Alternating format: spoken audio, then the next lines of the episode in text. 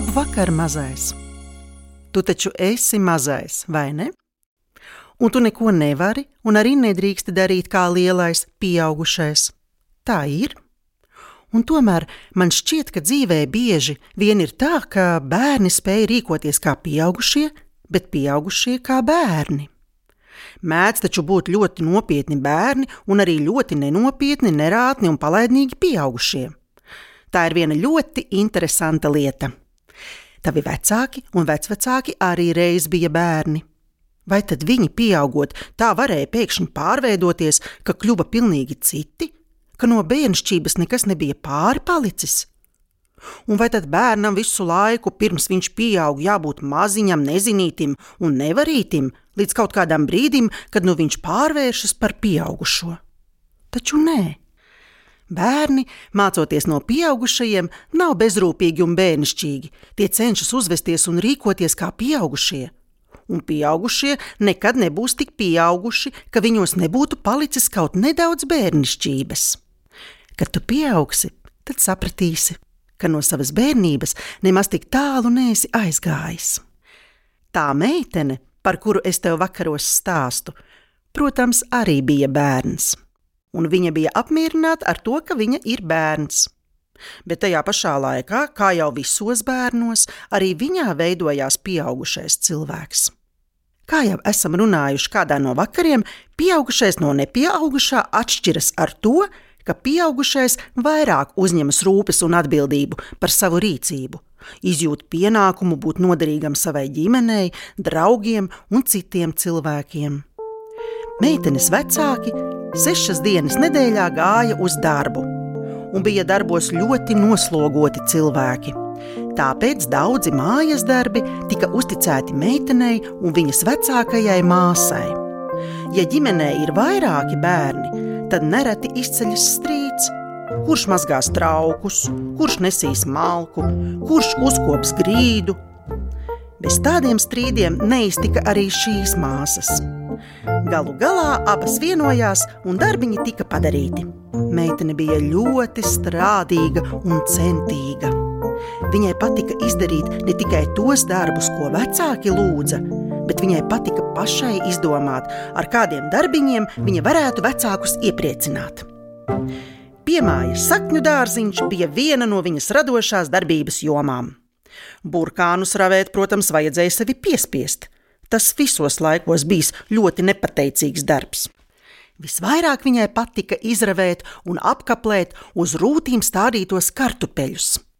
Tā bija viena sportiska rotaļa. Kartupeļa dēsti atradās vienādā attālumā cits no cita. Meitene riņķoja ap katru kartupeli vai nu uz kreiso pusi, vai labo, vienlaikus ar kapli skrāpējot augsni augstā valnī. Izskatījās skaisti, tīri, vienādi, un šķita, ka kartupeļu stādi pateicībā smaidīja. Gandrījums par to, ka vecāki pārnākuši no darba priecāsies gan par meitenes čaklumu, gan par to, ka šis darbiņš viņiem vairs nav jādara. Arī rūpes par puķu dobēm meitene uzņēmās. Dobējis no košuma krūma līdz strīpēnās zāles pudurim, pavasarī lielos daudzumos krāšņi ziedēja narcises un tulpes. Meitene varēja stundām aplūkot un izpētīt, kā katrs ziediņš veidots.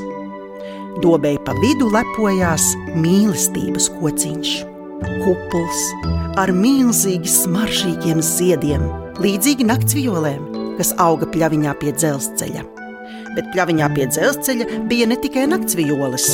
Tur stundas laikā varēja salasīt litru meža zemeņu. Tad nu arī meitene uz pļaviņu devās ik pāris dienās, lai salasītu zemenes pusdienām. Reizēm viņa pusdienoja kopā ar mammu, kura dažreiz darba pārtraukumā pārnāca mājās. Katrai pusi kukulis baltmaizes un puslitrs zemeņu ar pienu – Un kur vēl prieks meitenei, ka tieši viņa sarūpējusi abām pusdienas? Tas bija prieks par to, ka varēja sagādāt kādam citam prieku. Tāpat tas bija arī jubilejas reizēs. Meitene ar vienu centās māmu iepriecināt ar kādu dāvanu. Reiz par sakrāto kabatas naudiņu ciema kafejnīcā viņa nopirka trīs neparastas kūciņas. Sirds trīcēja, iedomājoties vien, kā mamma priecāsies. Pirms pasniegt saldo pārsteigumu, meitene turēja uz šķīvīša uzliktās kūkas, paslēptas aiz muguras. Pēkšņi viņa dzird, kā kūkas krītot mīksti atsitas pret grīdu. Vaigiem sarkani degot un asarām acīs riešoties, vajadzēja vien kūkas atkal salikt uz šķīvīša un pasniegt mammai tikai prieks un lepnums bija pilnīgi pazudis. To vietā nāca kauns un bēda. Māma gan centās mierināt un rādījās priecīgi pārsteigta. Vēl kādā māmas jubilejā gadījās ķibele. Meitene nopirka mammai trīs lefkojas, kuplas un tik smaržīgas. Lai ziedus varētu saglabāt līdz rītam, viņa tos ietina papīrā un ielika vēsumā, pagrabiņā, kas atradās zem virtuves grīdas. No rīta, kad visa ģimene sapulcējās, lai sveiktu mammu jubilejā, arī meitene izņēma no pagrabiņas skaistās lefkojas. Bet tās nu gan tagad vairs neizskatījās skaistas. Izrādījās, ka žurka apgrauzusi divas puķes. Labi, ka vismaz viena lefkoja vēl bija pilnīgi vesela.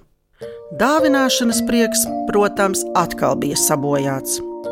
Bet tajās reizēs, kad izdevās kādu ar dāvanu no sirds iepriecināt, tad gan devējas prieks vienmēr bija daudzkārt lielāks par dāvanas saņēmēja prieku.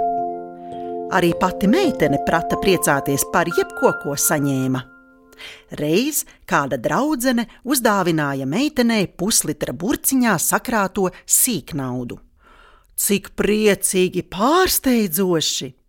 Bet meitenes vecāki neļāva tādu dāvanu paturēt. Nākamajā dienā to vajadzēja atdot atpakaļ.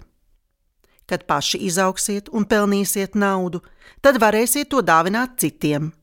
Bērns no bērna naudu ņemt nedrīkst, tā stingri noteica mamma.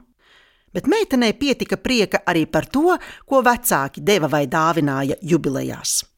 Citreiz mamma meitenei uzdāvināja jaunas, gaiši brūnas zeķibikses, kas vispār tajos laikos veikalos bija jaunums.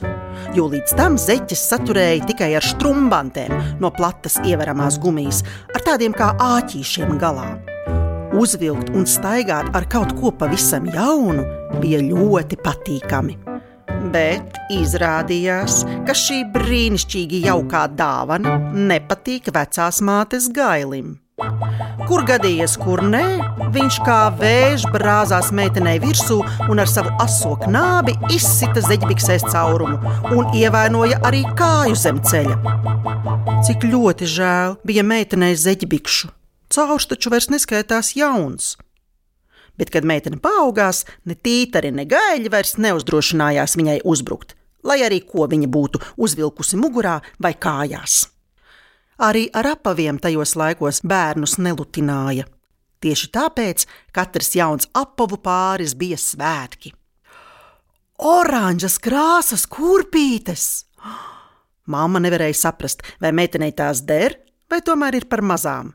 tik skaistas kurpītes, nevarēja taču rādīt, ka spiež gan. Meitene par kurpītēm ļoti priecājās, ko gan nevarēja teikt par pašu kāju. Pagāja ilgs laiks, kamēr kāja ar kurpi tomēr sadraudzējās. Un baltie filcīši ziemā, kā tie sildīja kājiņas, varēja brist pa kupenu kupenām, un pavisam jauni, spīdīgi gumijas zābaciņi. Vecajos odere bija izdilusi un neiztīrāmi piebirusi ar smiltīm un granti. Tikko jaunie zābaciņi saņemti, jāuzmēģina tāpat uz basu kāju. Ak, cik labi jutās pēdiņas, taustot mīksto jauno flaneļa oderi. Nemaz negribējās kājas ārā vilkt, un spīdīgo zābaku virsma, ko varēja glaudīt un glaudīt. Vajadzēja pēc iespējas ilgāk to saglabāt spožu un nesaskrāpētu. Jaukas bija arī baltās tenis čībiņas. Tie bija lēti apavi, visi vecāki varēja tos atļauties nopirkt. Un skolā meitenes ieviesa savu modi. Balts gan ilgi nesaglabājās balts, tāpēc darīja tā. Izmazgātas, vēl slapjas čībiņas smērēja ar balto zobu tīrāmo pulveri. Čībiņas izkalta un katru dienu varēja iet uz skolu baltām kājām zibot. Vēlāk mode mainījās. Uz čībiņām ar krāsu zīmuļiem sāka zīmēt puķītes.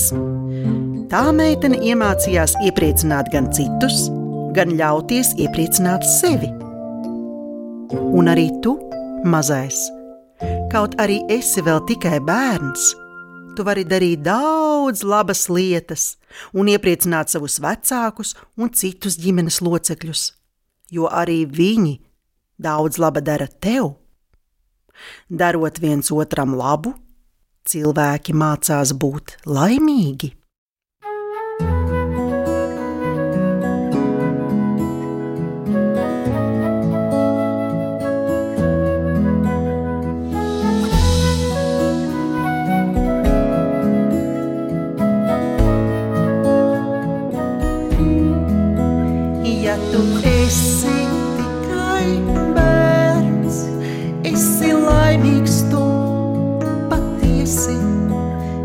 Vari darīt lielas lietas, lai kur esi, lai kur iesi, ja tu esi tikai bērns. Vari rotaļās un spēlēs doties, paraudāt, kad bēda maza, un ar visiem samīļoties, ja tu esi tikai bērns, izaugt nesteidzies pārlieku, vari darīt lielas lietas sev un savējiem par prieku. Esi laimīgs, esi priecīgs,